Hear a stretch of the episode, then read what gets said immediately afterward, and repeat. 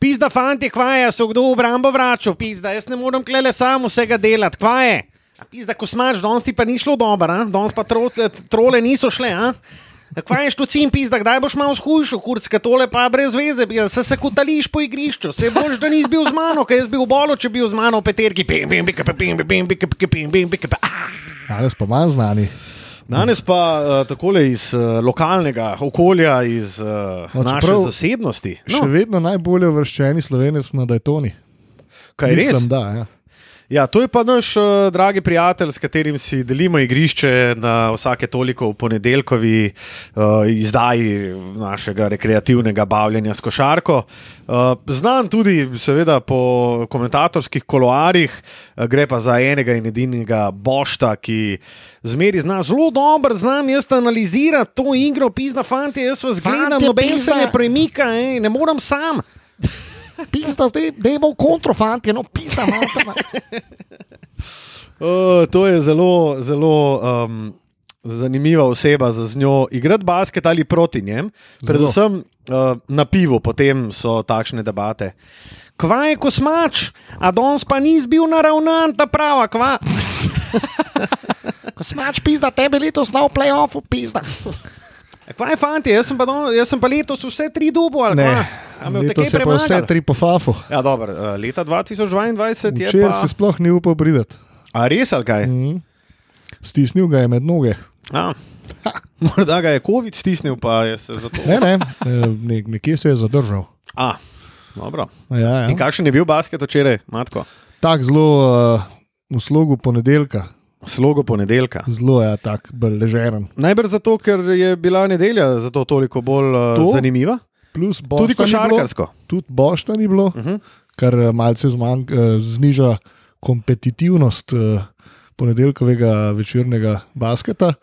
In um, A lahko še enkrat ponoviš to besedo? kompetitivnost. A, bravo.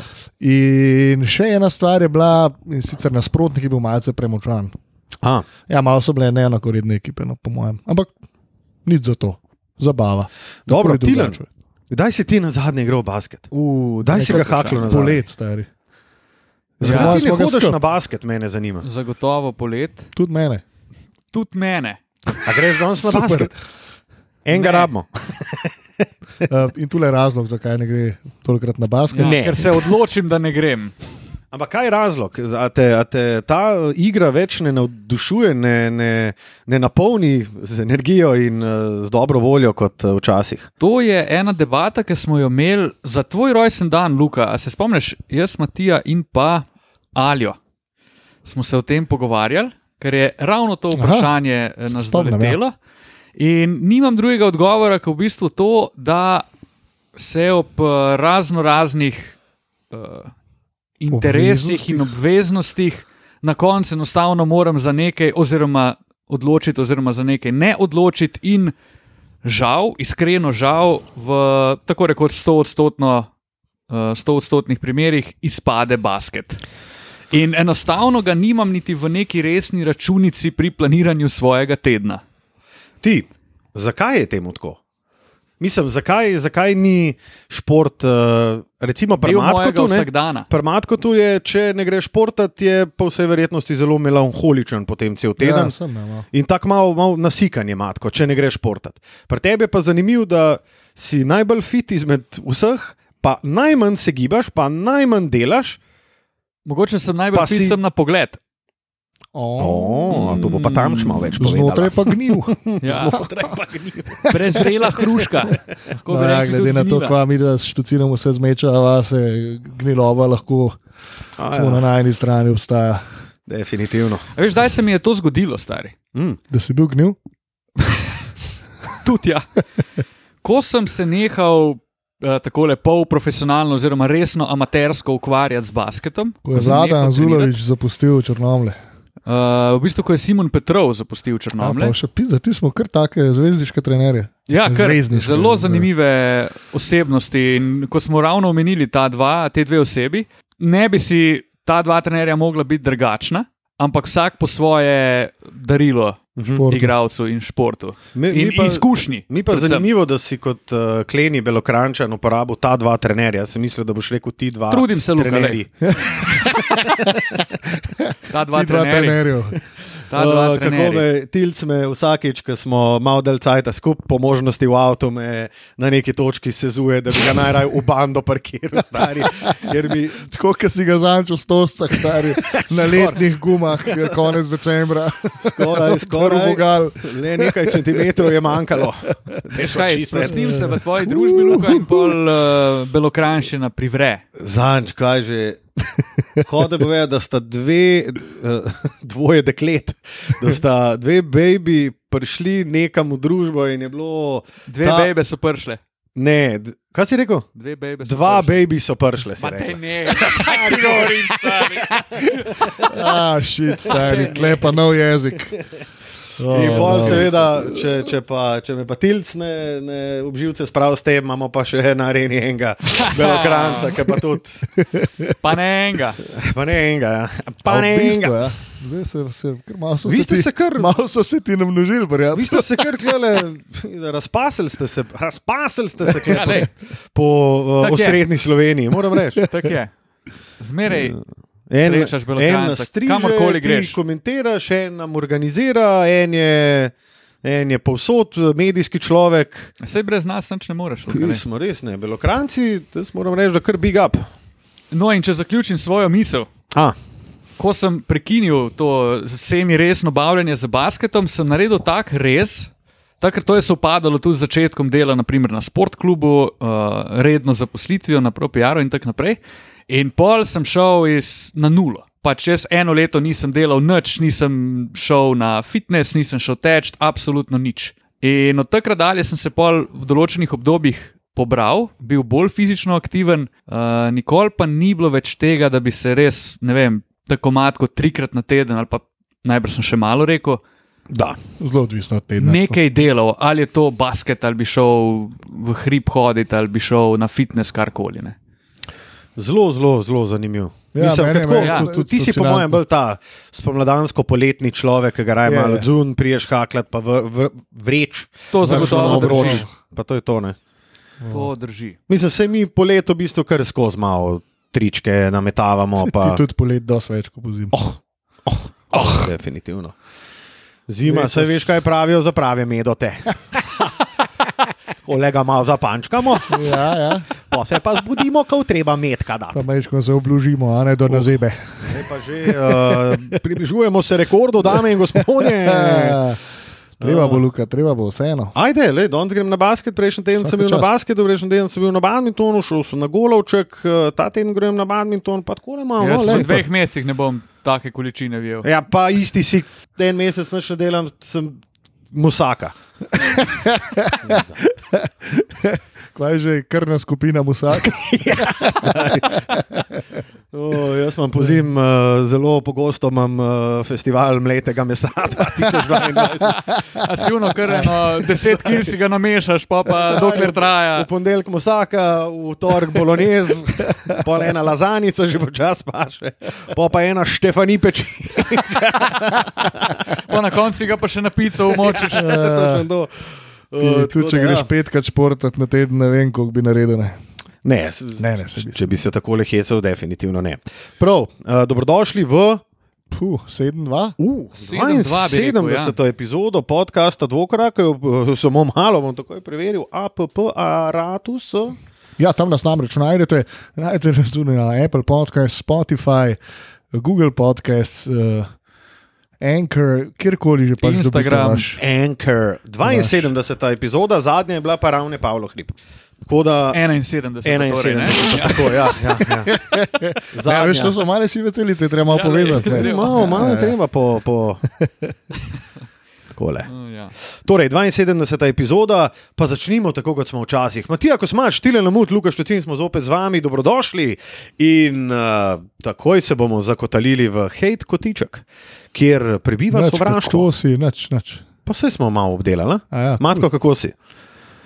v redu, zdaj kavajo vidim, Je lažje, ne? je laže. Res je laže.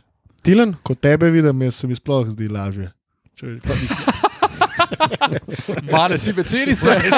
Pa spet treba malo pomisliti. um, Tilen? Uh, jaz sem super.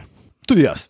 Torej, zakotalimo se v kotiček, ga. kjer prebiva sovraštvo, kjer prebiva sovraštvo kot plesen na steni. v Težko se znebimo tega sovraštva, oziroma tega, Ne, pa se ni sovraštvo. zmoti. Bolj je, bolj je brez tako, sovraštva ni ljubezni, brez ljubezni ni sovraštva. fanta.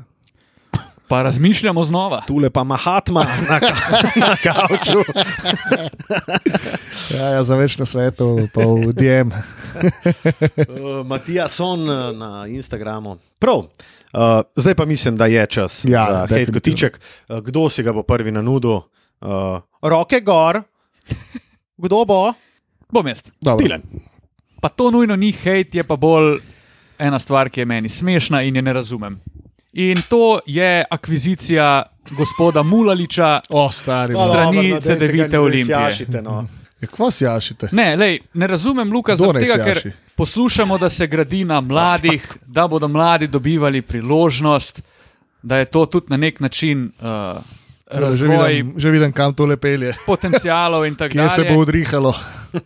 In pol pripelješ Mulaliča, rečeš, da bo on za tekme niže ravni, ampak jaz tega ne razumem. In mi je tudi malo smešno, če sem čisto iskren. Pa nimam nič proti Mulaliču, tudi mi je bil soliden igralec, ampak enostavno ne zastopim in kaj bo ta dodana vrednost, da bo zdaj on igral za CD-vito Olimpijo, tudi če sem v državnem prvenstvu. Jaz mislim, da je kle dodana vrednost, prvo kot prvo. Najbrž je bil prost, oziroma mislim, da je igral sicer celo neki v tej sezoni. Ne, nič. Ja, ja, bil je na koleziji polet.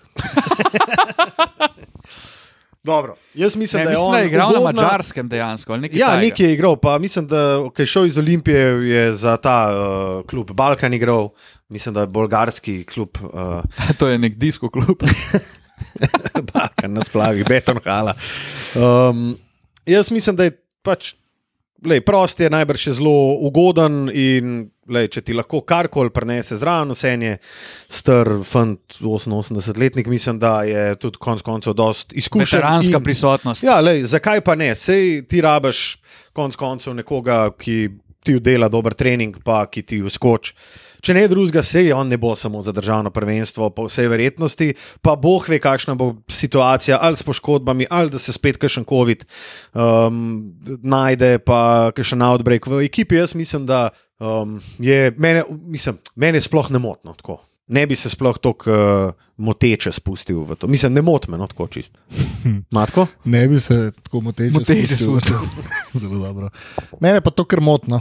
Um, zato, ker spoštovani trener Sedevite Olimpije je, ima preverjen track record o, nes, o nesposobnosti vključevanja mladih v ekipo, kar se letos spet vidi, nekaj je bilo nasilo z Luko Ščukom, ampak To je bilo to, pa, da mu ti daš 15 minut na tekmo in ga postaviš v kot, se meni ne zdi opolnomo- opolnomočenje mladega košarkarja, ampak se mi zdi on fire je Matko. Big Word, danes, smatko, eh, da ja. stari. Točke. Ampak se mi zdi to kar neki, neka gluma. Kao, da rekel sem, mi, da moram jaz zdaj enega mladega vključiti in zdaj ga dam tja malo stato kot. Ja, in to je bila ona da situacija, ki je on Šest pol, tekem, nobene pike, rečeš, ja, le, pač ne more igrati. ja, ki je Seveda ne začel more igrati, šest tekem stari, na če- začetku. Ja. Skozi v prvi peterki, pa je šel pa iz Ali da ne tega more, če ne na dobi zadnje žoge. Ja, sam mi smo zdaj izmireta šli na ščuko. Pa Mire, Ne, ni sem niti šel na Golemca. Mlad, a ja, ti si, a tvoj, ti si šel že na svoj hejt? Ne, ne. Ampak ja? ja. v, tem, v tem slučaju me to moti, ker to je spet jasen znak, da ne zaupa nikomor izmed mladih. A, In je zato prepeljal nekoga, ki je pač izkušenejši za državno prvenstvo. Ne, meni se to zdi brez veze, popolnoma brez veze. Dosti igralcev ima, sploh zdaj, ko se bodo vrnili iz Ilirije, dosti igralcev, da jih lahko, da lahko mlade vključ in da šanso, tudi če kakšno tekmo zgubijo, ni panike in še vedno lahko odigra. Recimo Jaka Blažič na mest 25 minut odigra 10 v državnem prvenstvu, lik za to, da se tekma dobi ali karkoli. Se mi zdi popolnoma nesmiselno. Se mi zdi. Jaz mogoče se kle pridušam in mogoče rečem, da iz vidika tega, da ja, se ti imaš ilirijo, pa si vemo, koliko jih je šlo um, po letu oziroma pred sezono, koliko jih je šlo tja v smislu, da se razvijajo podonko v prvi ligi. Star je Union pa- dober perej. Union je presenetljivo dober per. Res, res dober. Oprosti, nadaljuj. Je pa res, da je naš Tilan tudi uh, podlegal uh, svetovni pandemiji in da ga najbrž že kar dolgo nisi sisno. Ne? Ja, drži. Ja. Ene 14 dni, po moje. Mm. Od, odkar sva snemala prmatko tu, A, ja, bi ko rekel. si No? ti bil v Tako, na da, pamet. ko sem jaz bil v protokolih. Akimun. Akimun bi tudi lahko bil na sponzor. V resnici. Bi. Lahko. Moj hejt kotiček, ne zdaj sem se toliko vajnega A ga je? A ja, se res. Ja. Prosti, matko. Jaz imam tu gre za spremembo vezan hejt kotiček na Ligo NBA, eh, kar je sicer osrednja tema našega podcasta. Eh, Včeraj sem zasledil objavljen podcast J.J. Redika z Dremondom Greenom, ki je meni zelo ljub sogovornik v takšnih slučajih.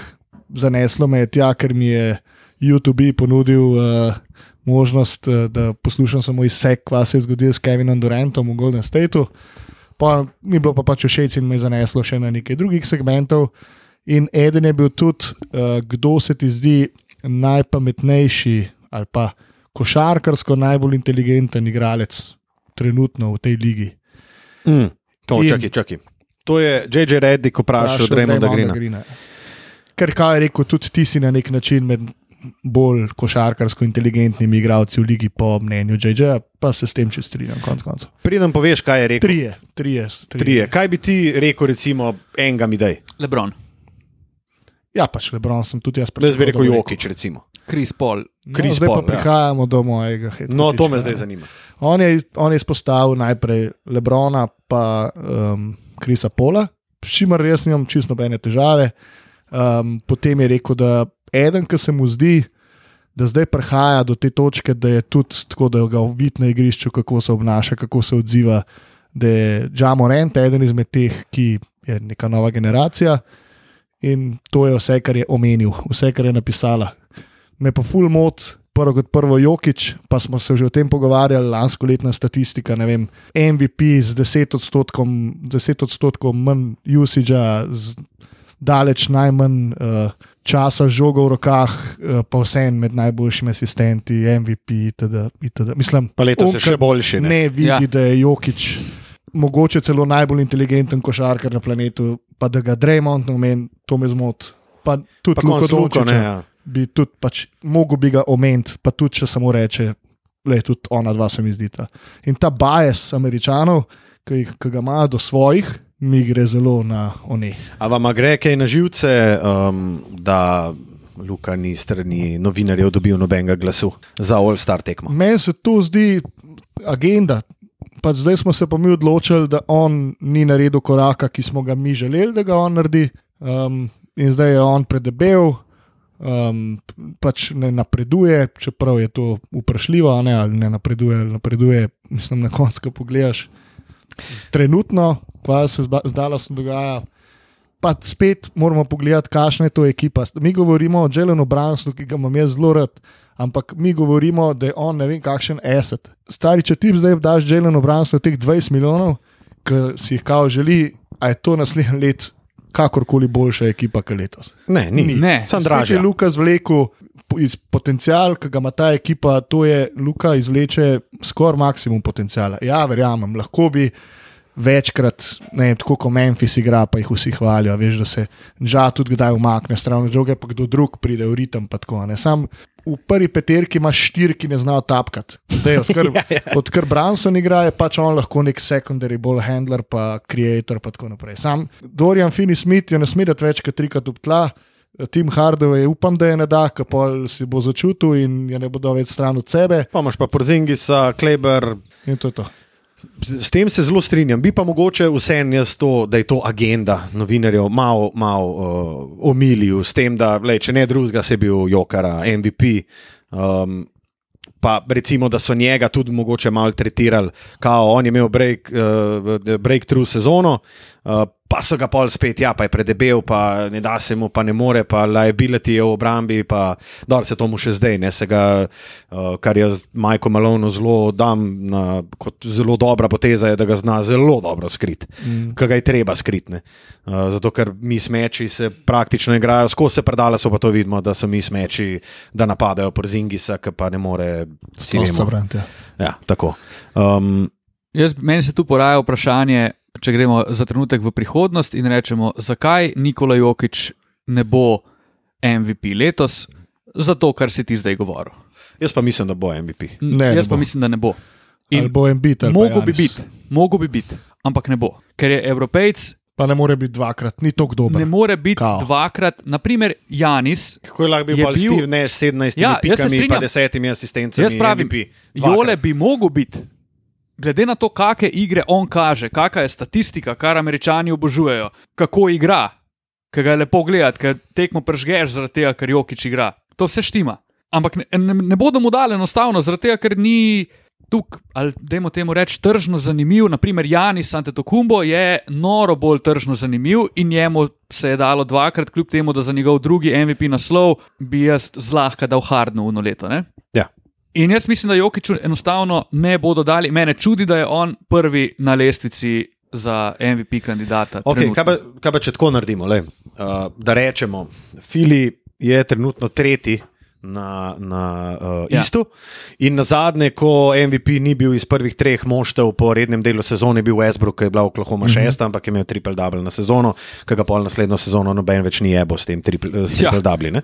Uh, Denver je peti na, na Westu. Kar je Milwaukee je peti na istu. Znači, okay, rečemo, ja. da Milwaukee konča peti na istu, kar se po moji oceni ne bo zgodil. Sicer Ja. Filadelfija najbrž konča tam od 2 do 4, recimo. Um, Denver pa konča isto od 2 do 5, reci, a, 3 do 5, recimo. Ne. Bomo videli, zdaj, kaj bo z Jutahom zaradi poškodb. Pa, Ja, s tem, uh, da pa jaz tako sem tu še, jaz mislim, da edini, ki bi tu padel, je Filadelfija, ki se jim zlahka zgodi, da ne končajo med štiri. Ja, in jaz mogoče, če bi recimo zdaj vse, vse tri ekipe s tremi, na- eh, s tremi največjimi kandidati za MVP-ja bile na, pet, na petem mestu, kar se sicer ne more zgoditi, ampak rečemo četrti, peti, peti. Zdaj znam Jokiča za MVP-ja, ima takoj. Pa jaz mislim, da se tega folk tudi zaveda, ker objektivno, tudi statistično je on najboljši izmed, obeh, izmed vseh treh. Je pa res, da bi tu eno omembo pa dal Embidu, ki ima Oh. cifre v zadnjem obdobju. To je pa streha, Sam- se odpira, stari. Vse jaz mislim, da je to problem, da pač vedno je neki noga, je vedno boljš kot neki, kar smo Ja. že videli. ne. Pa Se oki, če igra nor basket, sam ni to toliko drugače, kot je bilo lani. Ni in ne dojema se ga kot generacijskega talenta, kot je bil Lebron in se mu je zato, se je vsak let ga omenil, da se mu vsak let lahko da. In ni to generacijski talent v smislu Steva Neša, pa pustimo statistiko, ampak da je spremenil basket. Pač, da se je po tistem obdobju začel igrati, da se je končno nehal govoriti, zmaguje obramba, ampak dejansko v zadnjih letih vidimo, da veliko krat zmaguje na Z Golden Stateom se je to zelo lepo Ja, ja, konsolidirala ta misel. Jaz mislim, da bi mo- Jokiču mogli dati precej več propsov, tudi zaradi tega, ker je on v bistvu bil MVP v ligi, ki je predominantly uh, branilska liga, kjer branilci v bistvu največ poberejo, oziroma v času hibridnih košarkarjev, ala LeBron James, Ja, a ni ja, on- Janis, KD, ki lahko igrajo praktično na vseh petih položajih. In je bilo, recimo, pri Jokiču, je meni.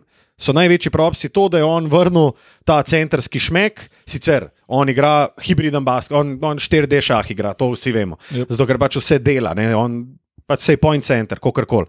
Ampak pač ni pa fizično, niti približno blizu Lebronu, Janisu, KD-ju in tako naprej. In zaradi tega mu jaz dam propse, pizda. On je najpočasnejši igralec na, na terenu, pa njegova ekipa ne trpi tok zaradi tega, kot bi mogla.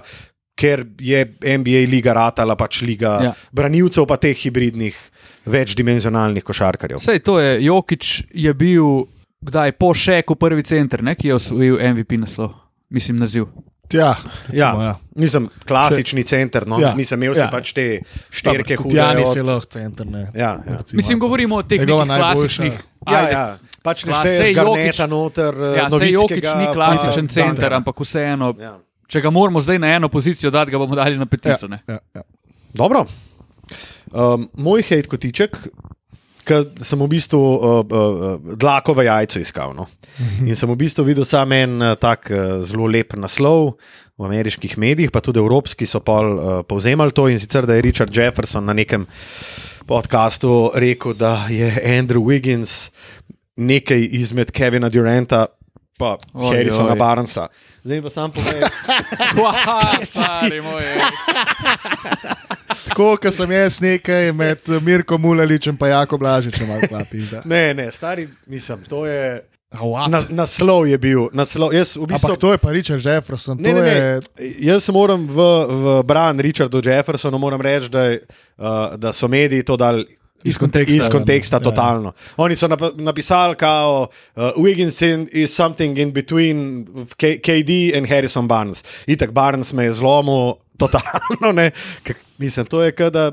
Vedno, ko meniš Barnesa, te malo zlomi. Ja, točno to. Skoraj Jaz v vsaki rečem, debati. Da sem uh, vizda mešanca, kot sem že prej rekel, musake pa krofa. Sej nima, mislim.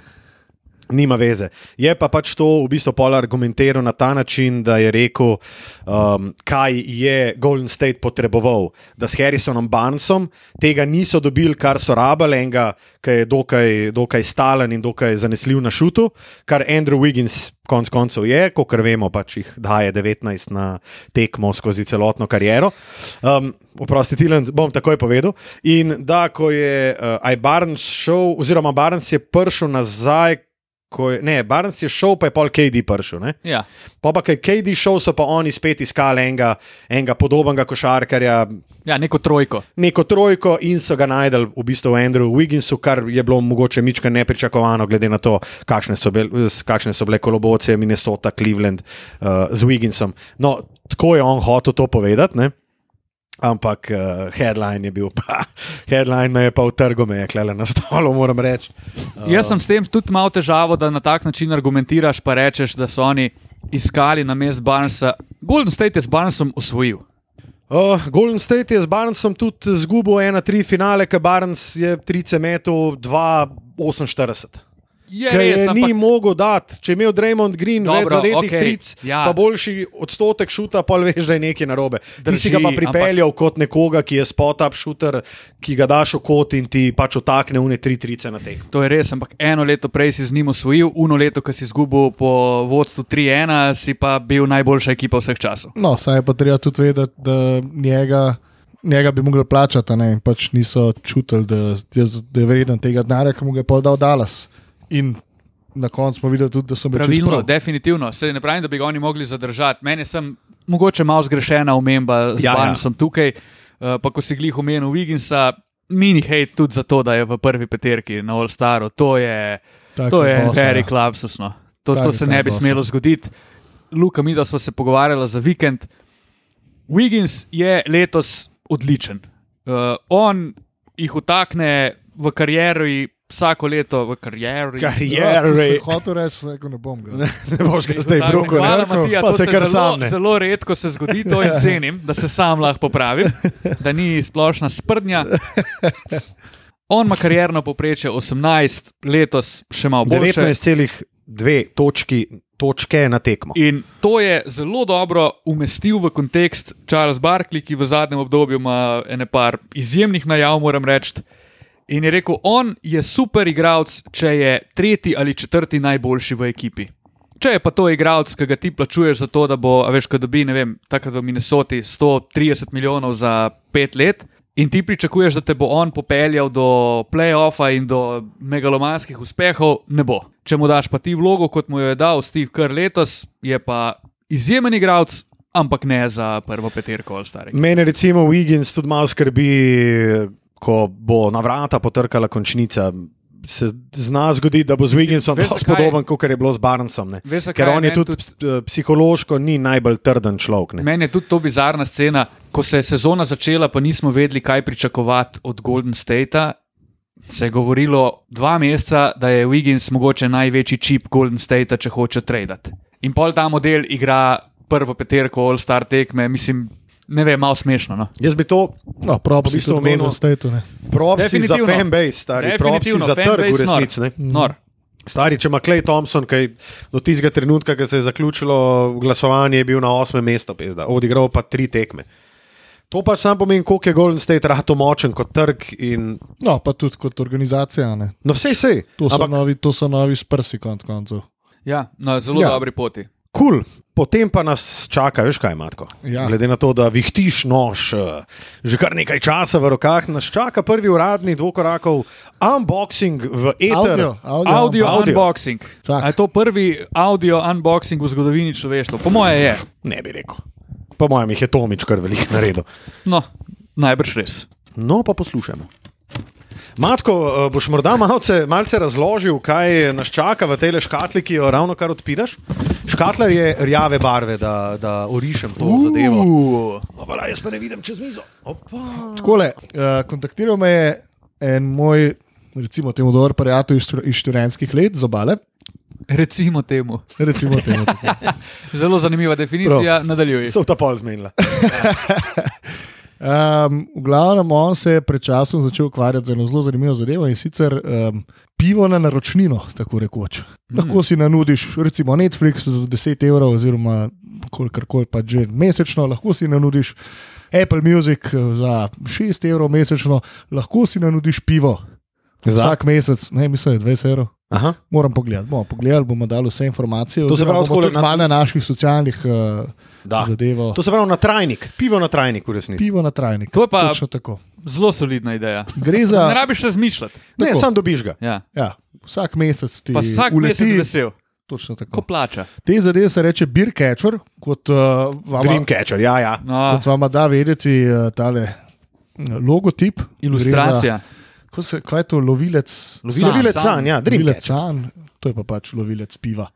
In uh, vsakič dobiš tako v paketku, kot lahko tudi sama preštejete, devet različnih piv, različnih Piv. pivovarn. In um, želja je z obeh strani, da se sodelu, da sodelovanje traja do konca letošnje sezone. Oh. Um, imate pa tudi kodo, dvokorak 10 na spletni strani Birkečerja. Ejo, bum. Pišite v Google in uh, vam bo on dal vedeti, kje ta stran je in kje se na zadevo naročite. In na prvo naročilo dobite 10 posto Z našo kodo. našo kodo. Ja, poglejte, kaj vam mi delamo. Ne? Najprej, smo, vam- smo, smo, najprej, smo, najprej smo vam dajali popuste za pelicona, potem smo vam um, dali predlog za najboljši burek v mestu. Zdaj vam dajemo trajnik. tem, kje je ta burek, stari? V BTC-ju, V BTC-ju na tržnici. No, sej, to sem vprašal. evo. Vhod, Rešeno. vhod ena, uh, žiga trpin vas bo z veseljem počakal tam in postregel. Zraven postregel še tisoč ljudi. ja.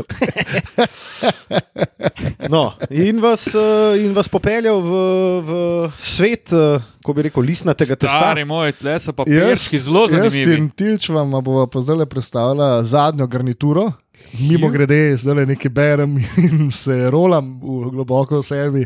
V glavnem, to je podpora tudi slovenskim pivovarjem. Vsakič so na vrsti druge pivovarne in dobite neko novo pivo, ki vas lahko navduši, razočara, vsekakor pa vas navda z novim znanjem in novimi okusi. Tekst je pa nor tlele. Stari tekst je tudi le nor. Pivovarna? Pivovarna človeška ribica je kanon futer na fronti slovenske revolucije, kraft piva. Ja, oni so bili prvi. ne? Ja, oni so imeli res, po mojem, en, en izmed prvih so bili. Ja. In Smo neke vrste- so ga točili, Human Fish. Smo neke vrste odrasla pivovarna, varimo v naši, potem pa v navednicah, visokotehnološki in hkrati ta navedba prečrtana in nadaljuje samo pivovarni, na vrhniki in pijemo v naši kleti. Da, Naše cenjene stranke radi nežno žalimo preko Facebooka. lepo, stari, nežno žaljenje. Zelo meni dobro se ujamemo, Zelo dobro, ja. Mi bi se zelo dobro ujeli. Ja. Kot kaže, se že pivovarna. dobro ujamemo skodo od No, Dej si ga usta, pa, pa mislim, da ga malo odzdrkan po, po, po grlu. Super. Super, se, tudi ko hočem, da nekaj normalnega rečem, ne morem. Malo Dobro. te je poneslo od celega navdušenja, Luka. Dobro je. Um, ok, to se pravi, uh, Baltic koda, dvo, Porter. koda dvokorak 10, beer catcher. Ja. Uh, pogooglite in uh, ne bo vam žal. A lahko še nekaj. Tle sta um, stezičarja, oziroma pivo jogginger, ker je tudi ingver not. Cigaret, kaj? Malo Joggingver. tele šalice. No, v glavnem, in uh, to sta pivovarja, brša že oženjena, glede na to, da si delita primek ali pa brat in sestra. Uh, pišete se pa fantastično, Vencel. Oh, Venija, Venija, Venija. Jaz sem pa tudi en tak uh, košarkarski per z imenom Time Out.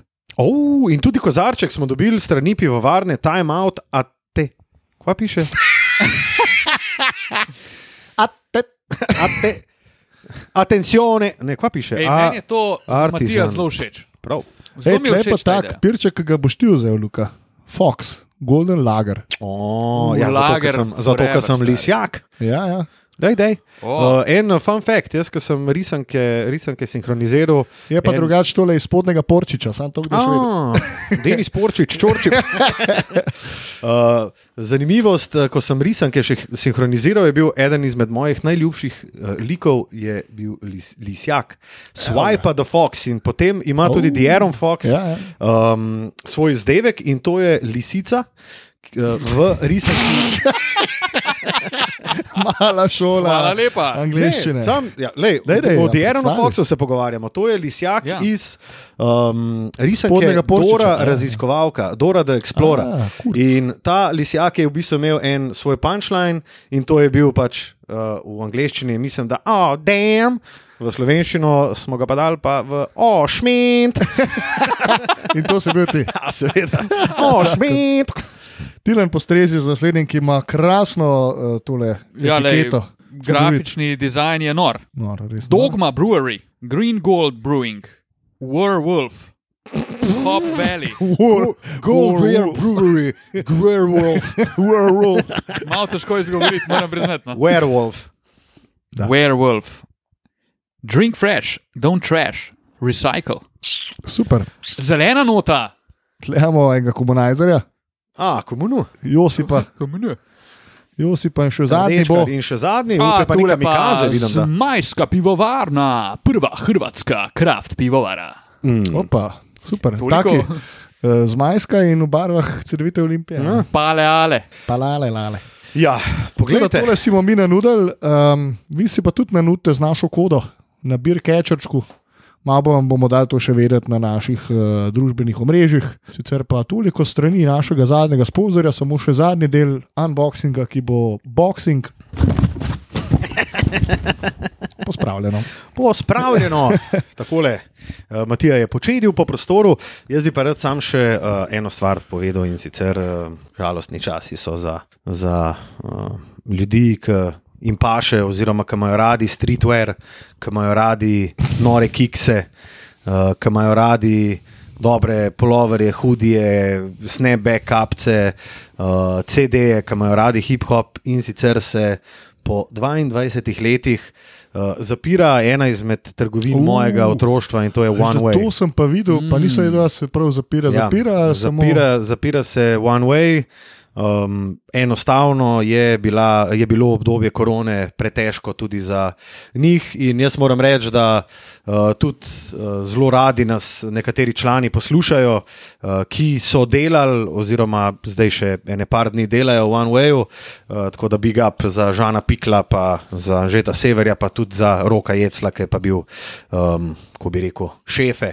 OneWay in to je, to je bila recimo trgovina, kjer sem jaz res odrastel, kjer sem jaz, pa tudi moja mama, uh, ko še nisem imel denarja, ja, postila zelo veliko A, denarja. Okay, uh, to je bila še srednja šola, ki sem jaz tja hodil in uh, moram reči, da sem bil ob tej novici uh, globoko razžaloščen in da pošiljam uh, veliko pozitivne uh, energije in veliko uh, lepih misli uh, vsem, ki so. Uh, ustvarili to zgodbo, ki je bil One Way, ki je v bistvu sinonim za, za streetwear, za hip-hop, za reperčke, mi, ki smo bili, pa tudi zdaj, ki so plus za čist hudo robo, ki so jo imeli. Pa izkoriste še ene par pisov, imajo na totalni razprodaji, tako da uh, vzamemo, kar, kar imajo, kupimo. Uh, in hvala, hvala One Way. Hvala, se pridružujeva tvojim lepim mislim. Tako. Hvala pa tudi vsem vam, ki ste pokupili našo zalogo hudijev. Prav dvokorak kriv za. Ne, enega hudija še imamo, ta star, ker ga imam jaz v prtlažniku. Uh, A, Zato, ker smo ga menjali, en M, mislim, da trola hudi M. A, to je pa ta trola en, ki sem ga jaz iskal in smo jemu modelu zdaj poslali L. Dobro, Ampak je rekel, je rekel, da je lih uh, postal oče in mm. da se shujšal ne bo. ah, no, Dobro. zelo težko. Uh, Čestitke. Ja, čestitke novopečenemu očetu, čestitke pa tudi vama, fanta, ker nam je uspelo skupaj. Ja, in ko smo ravno pri tem, ne, glede na to, da je bilo uh, povpraševanje kar konkretno po nekih številkah, ki jih nismo imeli, oziroma uh, številk, ki jih je full hitro zmanjkalo. Predvsem govorimo o XL številki hudijev, uh, full Ker imamo court sam velike fene. in patrola. Kurpulentne, kurpulentne fene imamo. In uh, smo se odločili, da bomo naredili ponatis uh, hudijev, torej model bo ostal enak, trola in pa full court. Zbirali bomo naročila in do določenega datuma. Ki ga bomo najverjetneje kar zdaj v naslednjih sekundah določili, boste lahko oddali svoje naročilo in to bo zdaj ekskluzivno po naročilu zadeva. Ne, Ekskluzivno. ne bomo več šli na zalogo, ampak bomo naredili po naročilu. Uh, do datuma, Matija, dej prosim, odpri koledar. Do 14. februarja imate čas, da naročite. Uh, Jaz sem si ene par modelov zapisal, okay. ki so želeli te cifre, ampak bi lepo prosil, če še enkrat pošljajo ja, na naš e-mail naslov oziroma v naš inbox na IG-ju. ja, lahko na e-mail. Boljš na mail, no, bomo bolj, bolj lažje bomo spremljali, kaj se dogaja. Jaz sem jih par napisal, zagotovo sem jih par pozabil in zato, da ne bomo slučajno koga Tako. izpustili, bi prosil še enkrat. Torej, do 14. februarja, prosim, uh, oddajte naročilo, napišite, kjer model, torej full court ali trola, in pa kjero cifro želite. Tudi majice so se neki uh, želele v manjših velikostih, Aha, kakšne eske. kakšne eske. Ja. Tako da, če že Ja. gremo v to, da imamo. Dajte pač, probati tudi ja. tole. No. Javite, kar bi radi, sicer so pa majice še na voljo. Ne? So majice v teh naših klasičnih velikostih, tam vse od medium pa tja do XXL so še dostopne na tak istem uh, e-mail naslovu. Dvokorak, pika tako da ste Slovenija, dobrodošli. afna, gmail.com. Tako, Okay, no, zdaj pa gremo naprej uh, z našim Fuhne podcastom. reklame, stari. Ja? Ja, No, lej. zdaj smo si kar vzeli, ne? To je pa, to je delo, pa, ne, delo. Stari moj, dobro. Nismo mi, nismo mi, ne vem. Ampak sej vmes je bil Darren Fox, lisica. Ja. Swipe the Fox. Ja. Ne, lej, Ja, vse smo povezali s košarko. Šment. Oh, šmint. Pa imamo naslov. Uh, tako, glede na to, da se približuje trade deadline, bomo šli uh, Yes. na hitro preko, uh, preko nekaterih uh, najbolj perečih tem, uh, pa ne zdaj, kdo bo šel kam, pa neki, ampak uh, v bistvu postavili v kontekst uh, trenutno stanje nekaterih ekip in kaj bi lahko te ekipe naredile, da uh, se izboljšajo. Ali v želji uh, po končnici, ali pa v želji, da se uh, utrdijo, konsolidirajo, kot rade reče Tilen, uh, zaradi poškodovanih košarkarjev, ki so ali na dolgi rok odsotni, ali pa že celo zaključili sezono. Ja, meni se zdi, da imamo zelo zanimivo situacijo letos pred dead- deadlineom. Wow. Werewolf, Pardon, pa deadline, pred, Ej, lej, lej. pred deadlineom. kariere. Se mi zdi, da eh, še ni, mislim, mogoče ne še nikdar, ampak pogosto se pa ne zgodi, da bi imel par ekip v ligi, ki dosti jasno ali neposredno ali pa vsaj posredno govorijo, da je bolj kot ne vsak igralec pri njih na voljo. Naprimer, Indiana je straight up rekla, da kdorkoli hoče kogarkoli od naših, Blow it up. Let's Izvolite. blow it up. Sacramento tega sicer ni neposredno rekel, ampak dejansko ponujajo bojda vse vsem. Pa imamo tukaj Houston, Ker ne ponujajo. pizda. Edini, ki je tam zanimiv, Je za- lisica. je lisica. Ja. a je on res zanimiv, stari. Halliburton je edini Uh, zanimiv. ja, dobro, Halliburtona pa valjda niso dal na trade blok. No. No, mislim, sej Mislim, ne moreš ti podati uradno, priložnost, blih eno sezono, pa ga, pa ga že nogiraš. Sej uradno niso dali nik nikomur. Se nismo moja bivša beba. Ha, šmint.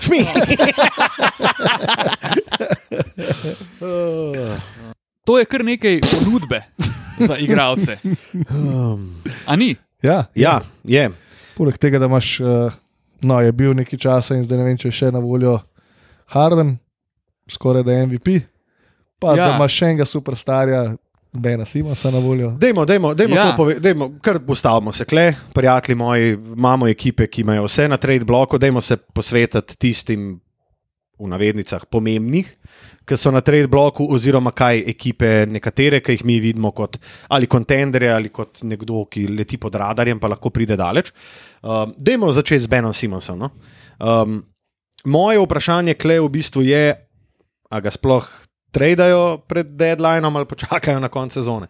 Jaz bi rekel, da bi ga mogli tradati tudi. pred deadlineom, zaradi tega, ker če ne, realno ta Filadelfija, da je Joel Embiid nerealno dober, je jasno, ampak oni do finala ne morejo in oni osvojiti ne morejo, taki kot so. Se pravi, nekaj morajo pogruntati, jasno je tudi, da Ben Simons več tega dresa v obleku ne bo. Mislim, njegov trade value se ne bo nikoli več dvignil, Tako. lahko se še zniža. Res je edino to, da načeloma ti poleti imaš več dobrih igralcev na voljo, ki jih lahko dobiš. To je edina stvar. Ne? Ja, pa Daryl imaš- Mori je kar zajeban uh, pogajalec. Pa jih imaš res, sej ni, mu- sej ni nujno. Ni mus, ni mus. nujno. V osnovi pa naj bi bilo tako, da imaš poleti večji izbor, kot pa februarja. Ne? Ampak spet, če oni ne njega tradajo, izgubijo celo leto in Ja. ja. izgubijo celo leto Embida v mogoče njegovem primu. Imaš pa zdaj le nižji trade value marsikaterega košarkarja, kot ga boš imel mogoče poleta. Ne? Tudi to drži. Jaz bom sam nekaj zanimivega povedal. Namreč eh, Ben Simons je pred dvema tednoma uh, spet začel v facilitejih, uh, facilitejih Kaj? uh, ja, v telovadnicah, v, znotraj Športnih infrastrukture. Uh, Filadelfija je začel trenirati spet 5 na 5 basket, videli so ga tudi z nekaterimi člani Filadelfije trenirati. Uh, je pa res, da kako hitro čas mineva, sedem mesecev je že od tega, kaj je on rekel, da uh, bi rad bil traden. Uh, pa še ena zanimivost. To nima veze s tem, kar se mi pogovarjamo, ampak uh, s fajni, oziroma s kaznimi in te, s tem, da ni igral, je Ben Simons do tega trenutka izgubil uh, vrtoglavih 19 milijonov ameriških kepic. Ja, noro, ampak jaz mislim, da on več nikoli ne bo igral za Filadelfijo. Kaj Ta se zgodi, če on prije nazaj? Ta vlak je odpeljal. Kaj če, kaj če on reče, pizda, lej, dobri so, Embiid je. veš, Embiid, kaj se je? Embiid nas lahko pelje. Veš, kaj se zgodi? Nič. Jaz pa mislim, da bi to bilo mo- mogoče, mogoče celo dobro. Za ob, obe strani. Jaz mislim, da bi to bilo najboljša stvar, ki se lahko Ja. v tem trenutku zgodi in za Fili, ker, kot smo rekli, Simons ne bo imel višjega trade value, tudi če ga prodajo po let, oziroma bo imel kvečem nižjega. Bog ve, kaj se lahko še zgodi, da si on še kaj potrga ali pa kaj, ker pol pa, pol pa lahko podpiše na, v slogu Denisa Šrederja. Um, jaz mislim, da je za obe strani Ben Simons, da se vrne kot lesi, da je to najbolj pametna odločitev in Filadelfije in uh, Bena Simonsa, Ja, oziroma jaz se njegovega tem kampa. strinjam. Jaz pa mislim, da tle več ni povratka. No, jaz se tudi bojim, da ga ni. Ker ni niti volje pri njemu, ni volje pri njih, in ta odnos je šel med biološke odpadke. In mislim, da tudi če on reče, jaz bi rad spet igral, je to toliko dvoma v to, kako je on res pripravljen, da je nepopravljivo. No. Jaz mislim, da on je redi fizično, mogoče pa bolj psihološko ni. No, sej fizično je bil on načeloma, mislim, dobro, ajde, vedno redi. Ne? Psihologija pa tu odigra kar pomembno vlogo. Ampak No, samo veš, okay, ne, če- zdaj ve, kako lahko na njega računa, ne po eni strani. Prej pa niso vedeli, kaj. Prej so pa kaj mislili, da bo začel metati trojke v Ja, vsak let sedmi znova sem mislil. Mislim, meni je to brez veze. Dobro. Uh, Je pa tudi Daryl. Mori rekel ne, uh, na enem izmed uh, radijskih gostovanj, kar se sicer zelo redko zgodi tako ob trade deadline, Ja. da imaš GM-a, ki sicer ni odkrito govoril, zato ker bi lahko pač tudi pol govorili o temperingu in tako naprej. Uh, ampak je tudi rekel uh, eno zelo pomenljivo uh, izjavo je dal in sicer uh, v tej. V tej zadevi se moramo vsi pogledati v ogledalo. Kar je mogoče tudi nekakšen znak, da tudi je strani Filadelfije in organizacije neko obžalovanje, kako so oni shendlali to zadevo s Simonsom. Ne, ker to bi lahko bilo prvo kot prvo hitreje rešen, drugo kot drugo ne bi bilo. Dajte nam, ne vem, šest prvih pikov, pa superstarja. ja, sem, to je njegov problem, ne to je on. Mislim, Ja, ampak mislim, že to zavedanje, da reče, da je pač vsak ima svojo odgovornost, vsak je s tem, ko se moraš pogledati v gledalo, si daš vedeti, da si mogoče nekaj naredil, oziroma da nisi iskren bil vsaj do ene strani. In jaz mislim, da je kle tudi, vsaj po mojem mnenju, en tak, mogoče malo znak, uh, pripravljeni smo tudi na spravo. Uh, Mene pa zdaj na tej točki zanima, glede na to, da pravite, da je bilo najboljše, da se on vrne. In kaj to pomeni za Filadelfijo v smislu končnega rezultata drugače, kot imajo šanso narediti zdaj? Če ne drugega, recimo v potencialnem finalu konference proti Milwaukee, kamor še ga treba priti. No, okay, ampak da je lahko lahko karikiramo, kot ti lahko karikiraš, že ne bo noč. Ampak recimo, da se okay. lahko srečajo v prvem krogu, kaj je z Milwaukeeem. Okay. A ni predvsej boljša opcija, da daš lahko Bena Simonsa na Janisa, kot karkoli drugega, kar imajo zdaj na rosterju.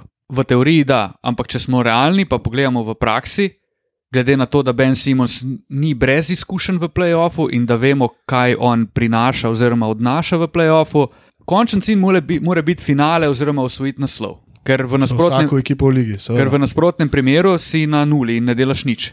In jaz mislim, da on tega ne more dostaviti v Filadelfijo, oziroma Filadelfija z njim tega nikakor in nikoli ne more doseči, in tudi nikogar. Ampak, lej, Fili je z njim boljša kot brez njega.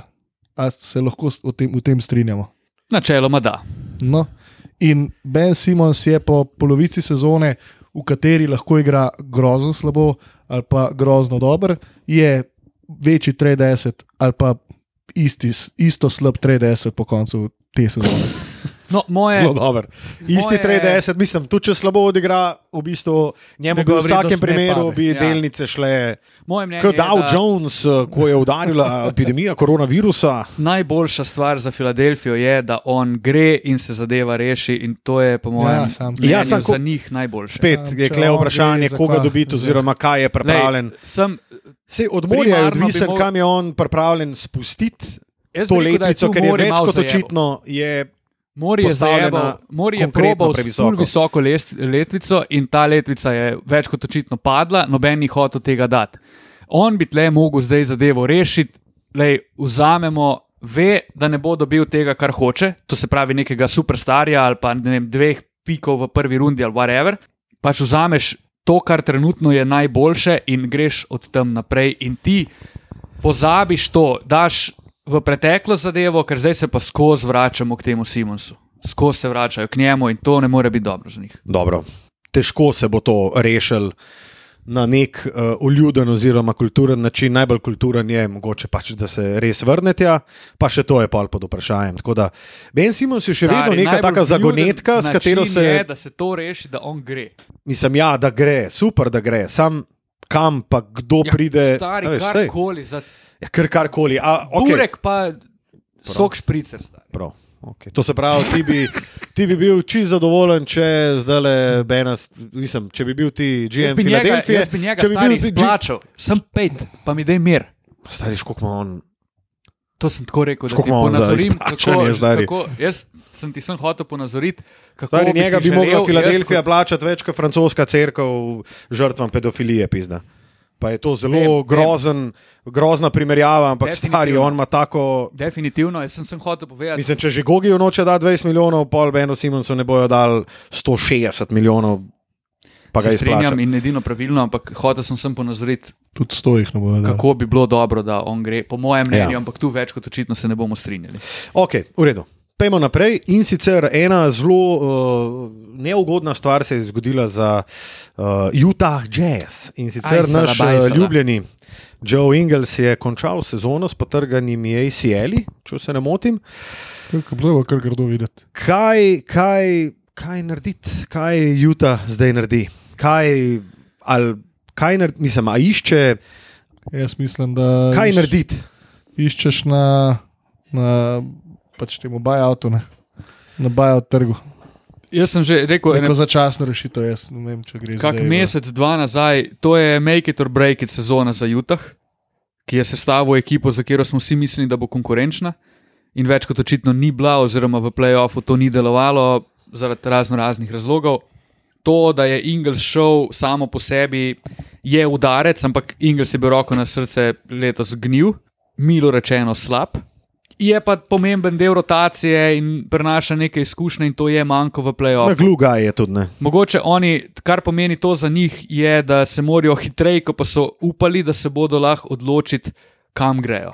Ali bodo oni zdaj sred sezone razbili to ekipo, pa šli neko novo pot, Ne. ali bodo hoteli to poštukati in upati na Seveda. najboljše in Itak. dali do konca sezone priliko, da v play-offu nekaj naredijo. A daš Konlija, pa, Ne, ne daš. pa Ingelsa, pa tri pike za Simosa.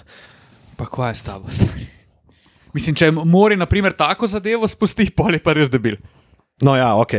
Ne, sej, to je samo uh, Ja. ja. moja zamislica bila. Um, Ingels je meni kle problematičen, predvsem za Jutah. Ne? On je pač ta, ki njega so zbrali kot ne vem.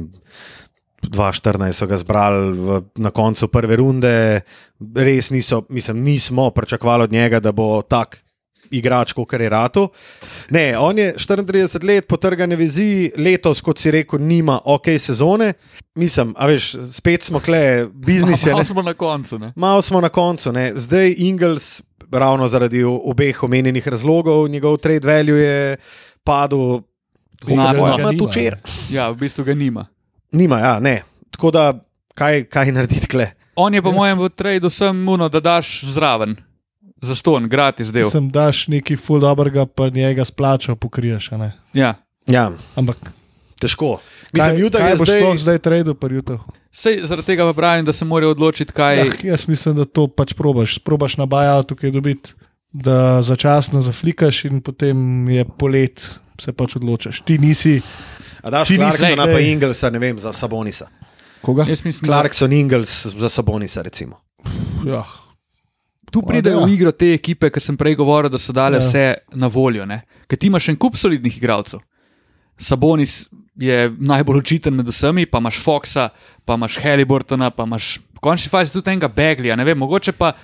Veš, ko smo se v eni epizodi pogovarjali, da mogoče uh, fit v ekipi ni za enega igralca in če bi Ja. ja. zamenjal okolje, da bi on lahko zablestel. Mogoče je Begli ta model, ki je lahko, ne vem, koga bi dal zdaj za primerjavo, ne glih Sabonis, ampak ne tako slab, kot se zdaj kaže v Sakramentu. In to bi lahko bil velik stil, ker trade value Begli je zdaj nikakov. Ne? Ja, da on rata nek Christian Wood, recimo. Ja. Ma ne vem, Justin Holiday, Tory Craig, to so vse igralci, ki so na voljo, a zdaj oni ful pomagajo, ne Miles Turner, seveda. Veš, oni, naprimer, Utah Lance išče Stevenson. menjavo. Točno to. Ne, on pa po mojem noče iti nikamor. On Stari, igra sem je tam. narejen za Indianapolis, on je, on je beli Larry Bird, stari. Točno to. Oni iščejo menjavo za Goberja. Hasan Whiteside ni dobra menjava. Se pravi, Miles Turner bi tu mogel nekako priti v kalkulacijo in bi bil dobra menjava za. za Mislim, ti bi imel Goberja, da bi bila Ti bi imel dva najboljša menjava. blokerja, bi imel v, v eni ekipi. Ne? Ti bi imel, k Real, bi imel Vensona, Poirierja, pa Edija Tavaresa. Ne? Sam, mislim, tega pač ne narediš. a Ne? Težko. Kaj? Ja, ne, ne- zabiješ si svojega salary capa, zato da imaš menjav za svojega najboljšega igralca, je potencialno tvoj četrti najboljši igralec. Ti pač rabiš ja. sedmega igralca, kar je Joe Ingles bil ne? v En- tej sezoni. Ne? Ja, jaz sem videl eno zanimivo idejo, Nick Batum. Ja. Mislim, Nik Batum, šampionski pedigre, definitivno Stari sam. men. Jaz ne vem, kaj ti v tem trenutku Nik Batum, kaj bi on dal Utahu, da bi pol rekel. No, v bistvu se Jutah je pa zdaj boljši, oziroma je nadomestil to, kar, ja. Ja. je, kar je bil Ingles. Ne? V bistvu se tu poraja vprašanje, kaj pa Utah rabi, da bo vem, osvojil letos. Kaj bi oni mogli pripeljati, pa kje, da bodo. Ja, jaz mislim, da bi legit- oni mogli pripeljati trojko, pa šterko. To je pa precej več kot zdaj samo zamenjati Ingelsa, Ja. O, ker niso oni spet tako blizu. Mislim, niso niti tako daleč, a niso, Niso pa, daleč, niso niti blizu, ne? Smo lestvico, vemo mi vsi, da oni niso blizu temu, da bi bili konkurenčni petim najboljšim ekipam v ligi. Ja, predvsem moti to, da so zdaj že dvakrat pogrnili na tem izpitu. ne, Ma, se to so se pa mi da pogovarjali med enim prenosom. Ne? Letos sezona za Utah je make it or break it. Pač poleti, pol samo TNT v slačilnico in razfuki. Ja. Zato ker je brez veze, ker več kot očitno oni so zdaj koliko, četrto leto, četrto sezono, A veš, v bistvu, odkar je Mičel začel bolati, oziroma se je Mičel bola Ja. že od začetka, ampak um, oni so v bistvu isti. že kar nekaj časa. Ne. Um, starajo se, kot smo rekli, Ingels, ok, Clarkson je bil pač itak nor find in noro se je vklopil noter. Ja, mislim, stari. Ne, definitivno, Clarkson je nor. Se- Meni je Clarkson tak model, ki tu, ko ti prenese, ti lahko tudi odnese. Jaz njega ne bi hotel imeti v ekipi. Recimo. Veš, kdo bi bil dober? Moramo vzeti nazaj, oni rabijo eno šterko, ne trojke. Na trojki so oni kar dobro pokriti. Mislim, za Samo njih bi imajo bil Bobo Bereto, nor. Rudija Geja, Rojsa Unila, šterko bi rabili. Sabonis bi bil. Sabonis bi bil, mislim, Pa tudi pleja bi rabili v resnici, ne tale Mike Conley je, je, Ja, je, je mal. stari Gogi Dragič. Jaz bi ga z veseljem gledal v Utahu. On bi bil za Utah, po mojem, zelo dober pick-up. Ker bi imeli adekvatno. House, stari se, on je tudi boler, pizda. Kdo? Šment. Daniel House. Daniel House Jr. Ja. On Njega je- zdaj bo, ja, in uh, bojda se govori po koloarjih, da ga bojo celo insertirali v, v prvo peterko, ko bojo želeli igla, igrati malo bolj small ball. Kar je pa tudi čuden, da ti small ball, ki si jutah igraš izključno, če imaš poškodovanega go goberja. Right. Ja. Če ti gober v redu, ga ne daš na klopno. Okay. Um, ja, šterka je, mislim, da kar uh, prepotrebna, ker oni imajo v tem trenutku na šterki Norvela, Peleja, Erika Paskala, pa dobro, Rojsa Unila. Roj v so nili bistvu igraš bolj- štirko, dejansko, Ja, ampak je čista trojka. čista mm. trojka. Ja. Ok, Domanta Sabonis, uh, dobrodošel v Salt Lake City, make it happen. Dajmo pa še reči za konec tega podcasta.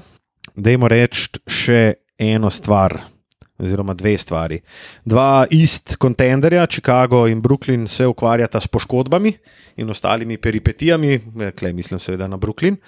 Um, A bi Brooklyn je- mogel kaj razbiti? A a jaz mislim, da ne. Jaz tudi mislim. Mislim, Brooklyn je bil lan palec od uh, KD-ja od finala. Ja. Plus, da ni bilo ne Hardna, ne Irvinga, tako da, lej, če bo Jaz mislim, da Tudi oni če, bo morajo un, tudi če bo un debil igral sam gostujoče tekme, dejmo, dejte probat. Jaz bi rad videl ne razbit ali pa, ok, v redu, dej dob, ne vem, na mest. Dej dob Dobro, enega dobrega osmega igralca, Ja, ja, ja. sedmega igralca. On pa, pač pri njih On bo je itak spet na bajautu. Pač- točno to, pri Ja, njih je problem dobra klop. ekipa, ne. Pa Ampak bo vsak hotel priti v vsaki ekipi, ki ima Hardna, KD-ja pa Irvinga, je problem klop, zato ker pač ti nafilaš Mm. svoj cap space s temi tremi pogodbami in nimaš v bistvu druge. Ja, pa z igralci druge starimi možnosti. 40 let. Ja. Čeprav meni je ta scena zdaj s Hardom, ki se je kar naenkrat, ene 14 dni nazaj, ki se je kar govorilo o Orang, da zdaj naj bi on Ja, ja. bil ja. zainteresiran, da gre, pa ne vem kaj, to je meni čist Ma, pa mind Mislim, to je tako no chill, pizda. Daj, Ja, to je meni čist mind pol sezone si klepet. What the to smo fuck, se stari? pogovarjali, stari, da je njihovo okno eno, mogoče dve leti. Ja, ja, ja. To je to. sigurno. Če letos ne usvojijo, to razpade. Na nek To je neuspeli, to vse diši po neuspelem projektu, kot Clippersi. Uf, ja. um, Chicago. Chicago, brez Lonza, mislim, ok, zdaj pri Brooklynu je tudi, mislim, da za 6 tednov, 6 do 8 tednov šel KD. Jaz mislim, da to na, vsaj v, v rednem delu sezone ne bo neki full preveč vplival. Oni morajo biti top 4 tudi brez KD-ja. Um, čeprav bo to težko, glede na to, da ga KD kar bola. Um, in Brooklyn je trenutno na petem mestu. Uh, Ja. ja. Vzhoda, ker je stari od Cleveland je četrti. stari. Od sedmega pa do prvega mesta so tri zmage, tako da ti si lahko v treh tekmah si lahko v play-in turnirju, lahko si pa, Ja. lahko si pa second seed, oziroma tudi prvi seed konc koncev. Miami je naprimer zdaj prvi sit, ima zdaj šest Drugi. zaporednih gostovanj. Chicago je še prvi, še vedno. Chicago Ne. je prvi. Ni. Chicago 31 zmag, 18 porazov, zaradi Dokazovanje. percentaža, win percentaža so oni na prvem mestu. Uh, Miami pa s tremi uh, tekmami več, pa tudi zmago, ve, oziroma z dvema tekmama več, zmago več in porazom več, imajo slabši percentaž Percentage. in so zato na drugem mestu. Dobro, pardon. Pardon. Skratka, Vse šest gostujočih tekem, zgubiš štiri, si kar naenkrat šesti, ne pa Mislim, pa, drugi. pa torej. največja pišurlija, ki se ti lahko zgodi, je, glede na to, kako kaže, da imaš Miami pa Cleveland 1-2. Kada smo leta Ja, ja, ja, ja. 2015. mislim. Um, tako da ja, um, Chicago, jaz mislim, da ne bo neki zgubo s, tem, s temi poškodbami, Lonza bola. Lonza bola, zdaj pa da najdem tole, ne, kje si Lonzo. Alex Caruso, Lonzo Bol in Derek Jones bojo vsi izpustili 6 do 8 tednov. E, kva pa gre so na en? Me zanima vajnih 5 centov. Ne, Grayson Allen, Ken, Austin Reeves. Na suspens, uh, Dober, dober. na suspens ene, te, ene tekme, medtem ko njega ne bo šest A tednov. ja, uh, smešno. Karusa. Ja. Smešna kazen, pa brez je bil nekul faul. To ni bilo ok. No. Je pa spet ta, ta, ta ene stvari ne smeš več reči. No. Recimo, vse vemo, kaj se je zgodilo, spet Bogi Kazensne. A ja, ne, to je bilo pa smešno. On ne sme ene stvari več narediti na igrišču, stari, ker on, jih, on sam leti. On jih dobiva, jih po kepi, stari, Ja, levo, desno letijo, stari. Joey Crawford se mu smeje gor, izvi plože, stari, deki se mu ga na feco, feco, na feko, stari, noro, res. Bogi Kazinc ne more več ene stvari reči na igrišču, tudi na klopi, po mojem, ne več. To, kako, je bil, kako je bil on izključen, pa kako je reagiral na to izključitev, je bilo zelo dobro, ker je uno, pa dober, stari, zakaj me, zakaj me zdaj, vredno je, pa nisem mislil, mislim, pa dajte mi mir, točno to je bil njegov odziv. Pač ja, Allah, saj ne vem. Daj, puste me igrati. stari. Ja, Allah, ne vem, pokažem sam, da sem mogoče kdaj pa kdaj nezadovoljen. No. Mislim, božjo, mater, uh, bogi, bogi, bogi. Bogi, bogi. Um, okay, zdaj pa uh, kot zadnja stvar uh, v tem podkastu, bi pa rad, uh, da se še malo pomeni, ne, uf, ne predzadnja, pred predzadnja, mm. v resnici. Ja, ja. Da se malo pomenimo o pozitivnem srču uh, Ribaki. Dalasa. Dalasa iz Mavericksov. Ste še tu? Um, ja, fino. Zadnjih 17 tekem, 13 zmag, uh, malim je šlo na roko, da so, da so nasprotne ekipe malo slabše metale, kar je tudi posledica dokaj ok obrambe. Um, bi pa rekel nekaj, da, se, da sem zelo navdušen in kar malo dolg cajt se mi zdel, da je rabo Jason Kidd ugotoviti, da pač mora dati Jelena Bransona v prvo. Uh, pa da, dati, da ne sme imeti skrb na igrišču Porzingisa pa Pavla, ker je to, ker ne zna en, ne drug, ne zna enkrat dati žoge ob, ob, ob tla in daštja Maksija Kleberja, ki ti širi igrišče, ki ga lahko utakne. Pa dobro, Uh, uh, obrambo. ne. Pa Ja. podcenjen obrambni košarkar. je, ne. Tako da jaz sem bil kar presenečen, da so to kcajta potrebovali. V bistvu bolj za Maxija, kot za Jelena, ampak za Jelen se je pa izkazal kot dober eksperiment med tem COVID-om, ki sta z Luko igrala, zato ker je pač več kot očitno, da Dallas rab dva ball handlerja istočasno na terenu. Un je, Jelen Branson je eden najboljših basketašev v uh, izolacijah, mislim, da 1,12 točke na izolacijo doseže. Tak, uh, Več, kot ne vem, KD, game. Jimmy Butler in tako naprej. Old man's game. ima Old Jalen. man's game. Ne? Pa stari njegov vsak lev prodor je praktično bucket. ne. Yep. Kar je, le, ti, ti to rabiš. Glede na to, da se ti Luka noče več tok zaletavati noter, oziroma dobro, letos se kar je. ne. Um, stari rabiš še enega tazga in meni se zdi, je pa res, da pol klopi vzameš neki. Ne? In ti vzameš Jelena. Um, In kle bi, recimo, jaz, če sem dala, zdajmo, dajmo, plis, hardware, hardware, dajmo stran. A se- Zdaj se ti je pa glik poškodoval. ne? Dva, ja, no sej, pa še Dwight Powell, dajmo enega dobrega šestega igralca dobiti, ki tega- bo mor- morda znal da žogo od tal, pa da ima enega izmed ali levi ali desni prodor, ki ga lahko da. A je končno čas, da rečemo, da mora pa Dallas nekaj konkretnega narediti? Ja, hvala Bogu. Pa, Dallas mora razstreliti. Sej prej Matko rekel, Luka je iz teh potegnil največ, kar se da, stari. Te klošari ne bi mogli igrati, oni bi bili za Sakramento, veš kakšen, veš kakšen poraz bi O bil. to. Jezus Kristus. Mm. Če bi ti igralci bili, ma, skoraj rečem, da v dveh tretjinah ekip v ligi NBA, stari to je bila taka žalost, oni ne bi mogli dobiti. To so Mid-level exceptiona ne bi ki dobili. je Anderson varežal z Lebronom, bil ne vem, najboljša štirka v ligi, pol pa je Pa Lebron Williams šel, pa ni mogel. na All-Staru, Ja, kot ja, ja. on je pa relevanten play. Pač, ne, nisi, what the fuck. stari. Tako, jaz mislim, da Dallas, če ne. Nujno je, da nekaj naredijo. No? Ja. Ker mi smo dolgo govorili, da so ne, ne, zdaj, ne. Super, da so zdaj malo odigrali, ampak ja, meni se to zdi tudi. Uh, Stari je mogoče, mogoče celo malo, malo velik zmag se mi je zdel tole za Dallas, oziroma ekipo, ki jo imajo. Presenečen sem. Dobro, ful. samo oni so vmes dvakrat ruknili Memphis. Ja, enkrat prekinili 11 zaporednih zmag, je pa res ne to. In to sem tekmo delo, sicer je, bila, je bil drugi večer back-to-backa proti Phoenixu.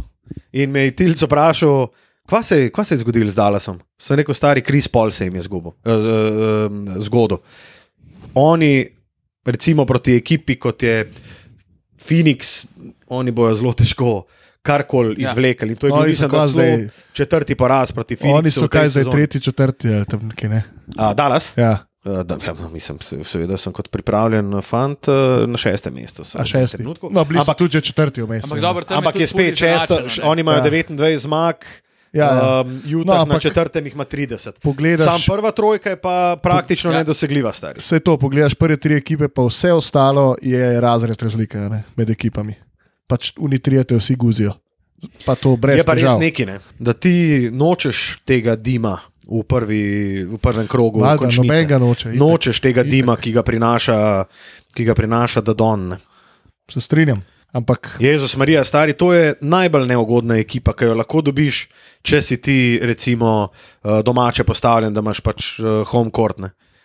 Ja, Ma, jaz čeprav- raj, mislim, jaz štirka traj igram, seveda proti Minnesoti, Clippersom.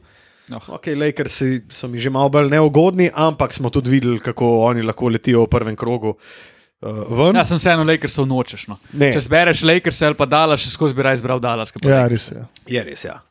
So bolj, um, ko bi rekel, Renovirani. L- Ne, pa lahko jih bolj, po mojem, skontroliraš, lahko dalas, bolj kot Ja, itak. LA. Ker malo LA bolj je, seveda. tako, LA je bolj nepredvidljiv, pa vse vemo, kdo je v LA, ne glede na njegova leta, pa kaj tipo počne v končnici že dolga, dolga leta. Dolga, dolga, dolga. dolga. O, šmint! O, šmit! Prav, zdaj pa odidimo še na uh, zadnji dve tekmi, oziroma ja, zadnji dve ali pa mogoče celo tri po COVID-outbreaku. Uh, selimo se, tam tarara. Ne, več nisem, uh, sem- ful sem malo delal. Ne, ne, ne, na, na parkete Abu lige in Oh, Eurokupa, super. kjer bomo obdelali uh, tokrat za spremembo, ne od Euroligaškega kotička, ki ga bomo danes izpustili. Bomo sam še malce pokomentirali, kaj se je dogajalo s CD-vito Olimpijo, našo ljubo CD-vito Olimpijo uh, v zadnjih. Desetih dneh, oziroma odkar so naravnost iz postelje prišli igrati proti Granki v Stožicah in ga uh, kar močno uh, potegnili. Ja, kva ćemo pa reči, Kaj se pa dogaja? Ko pa pol zvezda? Kaj pa budučnost? ko pa budučnost. Neč, trening le. Lej, trenirati moramo, igrati moramo. Mislim, mi se zavedamo, da razen. Ne, pa se bo mogoče malo krivičen, ampak Granko si dobil v, v gosteh. Dar pa si gledal tisto tekmo slučajno. No, ja, ja, ja seveda, da sem jo, ampak ok, se nima veze. Dobil si ene par močnih tekem na začetku sezone.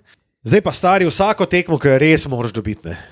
Ker smo, vsem se je sezona prevesila v drugi del, se pa začenjajo spet težave, ki smo jih spremljali v prejšnji in predlanski sezoni, ko pač ti ne moreš več dobiti pomembne Stari- tekme od 15. januarja naprej. Olimpija je počasi v situaciji, ko je čisto vsaka tekma tekma, ki jo oni morajo dobiti. S tem, da imajo dejansko večje težave proti ekipam, od katerih so na papirju boljši. Ne? Ja, Ne, se to je največji problem. Vse itak, Ampak je- jih isto je bil zadar dobijo. lan. Ne? Vse to. še skozi ne zmagajo. Oni igrajo super Na proti tisti Zvezdi. tekmi izgledajo slabši, kot na tekmi proti zvezdi budučnosti. Definitivno, ampak veš, tudi če bi oni vsaj pol zvezdo zmagovali te dobre ekipe. Na koncu se vedno njim zgodi, da izgubijo. Ja, mislim, poslušamo, letos se jim je so zgodila Mega v Beogradu, Ne. zgodil, eh, zgodil se jim je FMP, konc koncev, Zgodil se jim je zadar. zgodil se jim je Zadar v Stožicah. To, recimo, to so tri zmage, ki bi jih oni imeli, pa bili lagano zdaj le drugi, tretji. In to so tekme, ki jih pač enostavno moš dobiti. Moramo pa tudi reči, kot smo se tudi prej s Tilcem, ko smo čakali na eminentno prisotnost Matije Kosmača, Ohoho. pogovarjala, da uh, Olimpija v resnici na papirju do konca sezone Abu lige nima. Uh, ima mogoče enega najlažjih uh, razporedov. Oni imajo v bistvu tri tekme, ki znajo biti guste, je spet FMP v gosteh, ne? Partizan. Partizan, ki je pred, pred zadnjim krok, pa Igokejo imaš zdaj. Uh, mislim, da imaš FMP, pa Igokejo zdaj v naslednjih dveh krogih, stari popa vmes, pa ti moraš. In to moraš no, samo dobiti. moraš. a Ja, ne? moraš. Ne, ne, ne, ampak ti to moraš dobiti, mislim, kle. Ni prostora, ni manevrskega prostora, da ti Ni. fališ. Obenem je nesprejemljivo, da ti izgubiš proti Borcu, da izgubiš proti Splitu, Mornarju, mega je že zafukana, ampak Mega bo zafukana. mega Mornar zadar, bo tudi. Mornar derbi, bo tudi. pa Cibona. Zad, zadar si izgubil, igraš tam. Zadar, zadar igraš tam, ja, itak. Ampak to so. Oni Samo je imajo v bistvu tri res zafukane tekme. No, če tako gled, vse govorimo na papirju. Na, Ne. tako, na papirju Stari ti moraš borce, mornarje, cibone, zadre in splite moraš ti dobiti. Moraš tresti, ja, sam. Pa eh, študentski center, to moraš trest, trest, trest. In če se to zgodi, Pa Cibona jih je tudi imela, recimo v Zagrebu. Ja. Oni, če zmagajo, recimo od teh preostalih desetih tekem, ki jih še imajo, pardon, enajstih, dvanajstih, oni, recimo, tudi če zgubijo Partizan, Igokejo, FMP, če oni dobijo vseh ostalih osem, Ja. ja. so oni pač v Ja, top to 4. super, ja. A veš, sam je pa, pač treba dobiti. ne. In zdaj meni gre najbolj na kurec, ker se pogovarjamo o Olimpiji in rečemo, ok, dajmo predvidevati, da oni izgubijo proti Gokeji, proti FMP-ju pa Partizanu. Se pravi, trem resnim ekipam, ki jih boš itak mogel trest pol v, v končnici, Ja. če hočeš priti na Final Four, oziroma ok, če si pač prva dva sida, se Med štiri, ja. uvrstiš naprej, ampak recimo, da, sta, da je to malo že rezerviran za oba beograjska velikana. Ne? Mene pa moti Stari to, da moj. ti pri Olimpiji, mi zdaj gledamo razpored in na papirju kalkuliramo, da oni te pa te pa te morajo dobiti, in mi že v bistvu vnaprej knjižimo te zmage. Stari Olimpija letos ni prepričala, da to smeš narediti. Ja, valjda. Ja. A je glavni razlog, Pri da, se, Olimpiji ne da gremo v meso? knjižiti nobene zmage vnaprej. Kaj, kaj je po vašem mnenju glavni razlog, da ti izgubiš proti slabši ekipi, da ti ne dobivaš? Pomanjkanje kemije. Nehomogenost in nezainteresiranost. Ja. A bomo šli po imensko? Ti ne greš eh, na tekmo, ti ne greš v Abu Leigo zato, da jo boš dobil, ampak greš v Abu Leigo zato, da boš dobil kakšno veliko tekmo, da se vam pokažeš. Samo Pa tam, kjer treba pa zadar dobiti, pa Ampak mene moti pol, jaz se načeloma strinjam s tem, kar si zdaj rekel, ampak pogledamo Jacoba Pulna, ki ga imam osebno rad kot igralca, proti zvezdi. Ne, rupa je zdaj že. Stari ne moj, on igra, glih tako, da so ga zbudili pet minut do tekme, ko Zek August, ko so bila v Beogradu proti Megi, ki si ga videl, ko je prišel na igrišče, da danes ne more biti čisto nič dobrega. Ne, ki je taval, pa Pač iskal ne vem kaj. V času in prostoru. In Jacob Pullen noče stopiti en korak naprej, da bi žogo dobil. Pa majstore proti zvezdi, ti si ne moreš prvošiti skoraj da dveh napak na tekmi. Tebi se pa vsaj tako zgleda, nauč, aj test, ne govori čist nič dobrega, kada se mu ne da. Enostavno se mu ne da. Ja, to Mislim, je kemija, stari. to Ful je je- čuden, ful je Ja, se čuden. vidi, ker- vse to si ti že slišal. Pulen je bil eh, mogoče najbolj- privatnih uh, virov, da pač tle kemije ni. In očitno je zdaj prihod jogija ziritiral še pulno. Ja, in tudi prihod jogija, meni se zdi, da to neč rešuje. Kako te to ziritira, če ti itak zgubiš? Mislim, ti itak pač daš stran Brupnika, Karmajkla, Ita ga ne bi to smelo ziritirati. da Kina ne. da stran. Kva te to ziri- ziritira? Ti, če veš, da hočeš Ja, hoče zmagati. Euroligo, je bo mas, se ne moreš sam dobiti tekem, več kot očitno jih ne moreš sam dobiti. Pa valjda, da ti pozdravaš, da ti pride, Meni se zdi, da nimamo prav Aj- nobenega sistema. aj trener kriv. Je, Absolutno. je če kriv pa, je. Če, pa Če kje- mene vprašaš, bi Jurica mogel že, že zdavnaj. že zdavnaj iti, mi je zelo žal. A se, a se reši, a se reši morebitno sezona, če gre v roku treh tednov? Kdaj je prepozno, da gre? Danes. Je že prepozno. Mislim, da je to prepozno. točko smo mi zapustili. Ta točka je bila, ko so mi dva odhajali No, ampak- iz Beograda, bi tudi on mogel oditi iz Ljubljana. Mislim, Jaz to čisto razumem, ampak ker se to ni zgodilo, kdaj je prepozno? A Olimpija zdaj reče, ok, recimo Sani reče, Če bomo, bomo, proti- z njim, bomo z njim celo sezono do konca sezone, pa pa potegnemo črto, bomo videli, ali smo dosegli svoje cilje ali ne, in se odloča za menjavo trenerja. Vse to je očitno ta taktika, ki se A je to, mislim, zaenkrat to zgleda, da je to Okej, taktika. cool. Vse- Vse je to taktika. Meni se, ti- meni se to zdi boljša taktika, kot da ti rečeš na začetku marca, da imamo mena trenerja. Ti imaš se- pa od marca naprej, pa Se vemo, kaj strinjam, imamo. Jaz se strinjam. Zato pa pravimo, da je prepozno. Ja. Ja. Nima smisla, ker Jaz nisi strinjam. naredil. Mislim, pol tudi se strinjamo, da če bi se to zgodilo, bi se že mogli in se to zdaj ne bo zgodilo. Po drugi strani, če imam jaz trenutno, kar dvomim, da Olimpija ima na speed dialu enega trenerja, za katerega verjameš, da zadevo lahko Tako. obrne z neko šok terapijo, je pa to treba narediti. Sam tega pač ni. Točno to. Je samo en človek, ki to lahko reši in to je agresiv. Agresiv. Agresiv. Agresiv. Guys, shots from nine meters. Je bote. Take shots, but good shots. Gospod Jasmin, bonus, guys, Do you see there in bonus? gospod Jasmin Repeša, Kličemo. pa te. karte za klop, stari. Stari, pa, pa sam za klop, pa povežem se, povežem se s produkcijo, prosim, slušalke Definitivno. v vsakem timeoutu. Ne, po mojem ni rešitve na položaju trenerja, zaradi tega se tudi te menjave ne naredi. Olimpija Mhm. je zdaj izgubila Granko, izgubila je zvezdo, izgubila je Budućnost. Bu, budućnost. Da. Ja. Biš od Igoke. Čakaj, bom pogledal, na, na, bom pogledal, koga imajo. Ne, pol je tu groza in strah. Mislim, dejansko to so dokazi, da tebi nič ne laufa.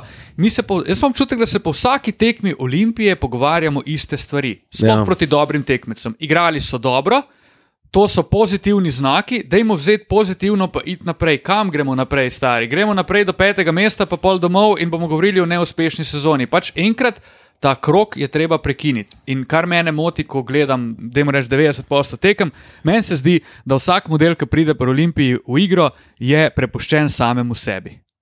In dobesedno prepuščen za preživetje samemu sebi, in ni nobenega sistema, da bi Tle igralci en od drugega se hranili, igrali boljše. Tle, Pač, fi, tle ni filozofije, tle ni vizije, tle je samo, dajte mi ju, z Juric, strani Jurice, dajte mi čim več dobrih igralcev in jaz bom igral na rezultat. In on igra, igra na rezultat čisto vsako tekmo.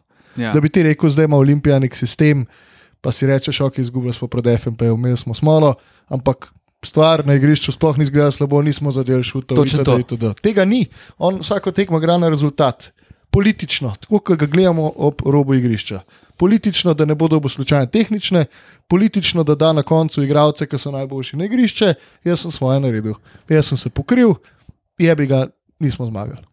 Moramo trenirati. Poraz, ni, poraz kot tak ni sporen. Porazi bodo vedno prišli in je ne mogoče pričakovati, da bo tudi Olimpija čisto vse tekme, ki jih na papirju mora dobiti v sezoni, dobila. Ne bo jih, ki kako bodo tudi izgubili. In tako se reko, matko, vse ok.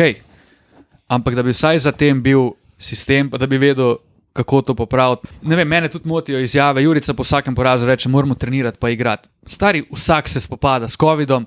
Zvezda je tudi bila tri tedne out, pa je prišla nazaj, pa zmagala štiri zaporedne tekme. S tem, da oni igrajo Euroligo. Ne, ne, ne vem, meni je, ma, manjka mi tleno, pa mi mori to, da moram biti kritičen, ker res nisem rad proti Ja, Olimpiji. Ampak raj ne bi bil. Ne, ampak s tem, Jaz da si se res ful želim, da bi oni igrali boljše in se mi zdi, da je neki potencial obstaja, da bi lahko igrali boljše, ampak pač ne. Tudi, Kar ne, Euro pa ne, Cupa, pa ne, da se pa ne. sploh ne dotikamo, ker to je izgubljena reč. Mislim, jaz mislim, da bi lahko za enkrat sezono Olimpije opisali z eno besedno zvezo, s katero bomo tudi zaključili ta podcast, številka 72. Z vami smo bili Matija Kosman, Štilen Lemut, Lukaš Ocin, za konec pa le še Ošmint!